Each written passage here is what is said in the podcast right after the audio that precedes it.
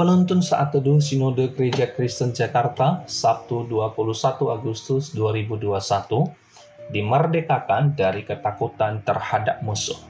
Ulangan 31 ayat 1 sampai 8, demikian bunyi firman Tuhan. Kemudian pergilah Musa lalu mengatakan segala perkataan ini kepada seluruh orang Israel.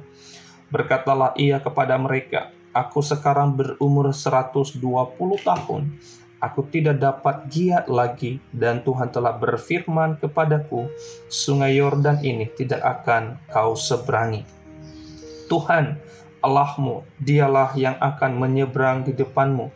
Dialah yang akan memunahkan bangsa-bangsa itu dari hadapanmu, sehingga engkau dapat memiliki negeri mereka. Yosua, dialah yang akan menyeberang di depanmu, seperti yang difirmankan Tuhan dan Tuhan akan melakukan terhadap mereka seperti yang dilakukannya terhadap Sihon dan Og, raja-raja orang Amori yang telah dipunahkannya itu, dan terhadap negeri mereka. Tuhan akan menyerahkan mereka kepadamu dan haruslah kamu melakukan kepada mereka tepat seperti perintah yang kusampaikan kepadamu kuatkan dan teguhkanlah hatimu.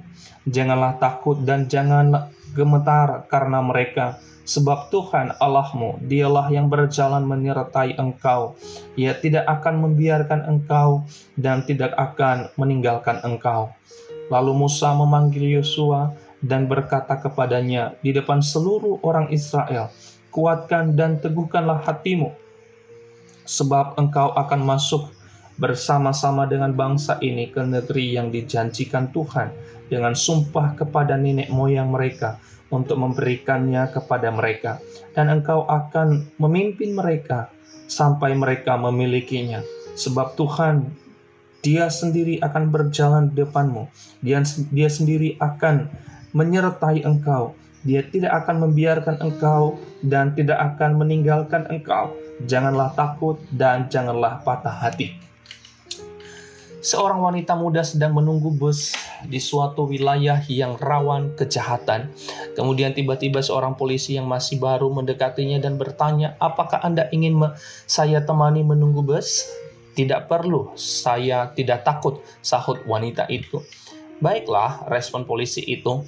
Kemudian dengan tersenyum lebar polisi itu berkata, "Kalau begitu tidak keberatankah Anda menemani saya?"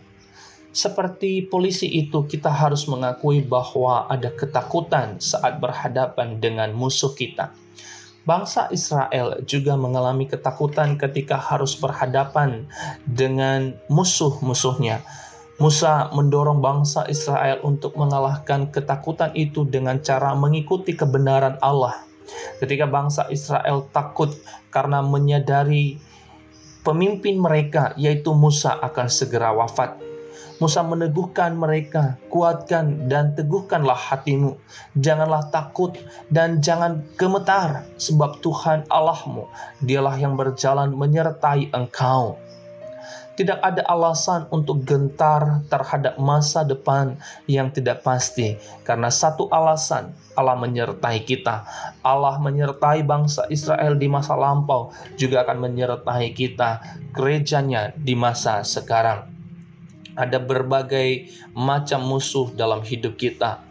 Mungkin ada orang-orang yang tidak suka dengan kesuksesan atau keberhasilan kita. Mereka berusaha menjatuhkan kita. Mungkin ada yang tidak senang dengan kebaikan kita dan memusuhi kita. Bahkan ada juga iblis yang selalu memusuhi kita ketika kita semakin bertumbuh dalam Kristus. Iblis menjadi tidak senang. Iblis akan terus berusaha untuk menjatuhkan kita. Tetapi firman Allah berkata bahwa Allah selalu menyertai kita. Dengan anugerahnya kita dapat menghadapi ketakutan itu dengan penuh kesadaran dan iman. Kita percaya bahwa Allah tidak akan membiarkan kita dan tidak akan meninggalkan kita. Jika berfokus pada musuh, maka ketakutan akan memperhamba kita. Jika berfokus kepada Kristus, maka Kristus akan membebaskan kita. Tuhan Yesus memberkati.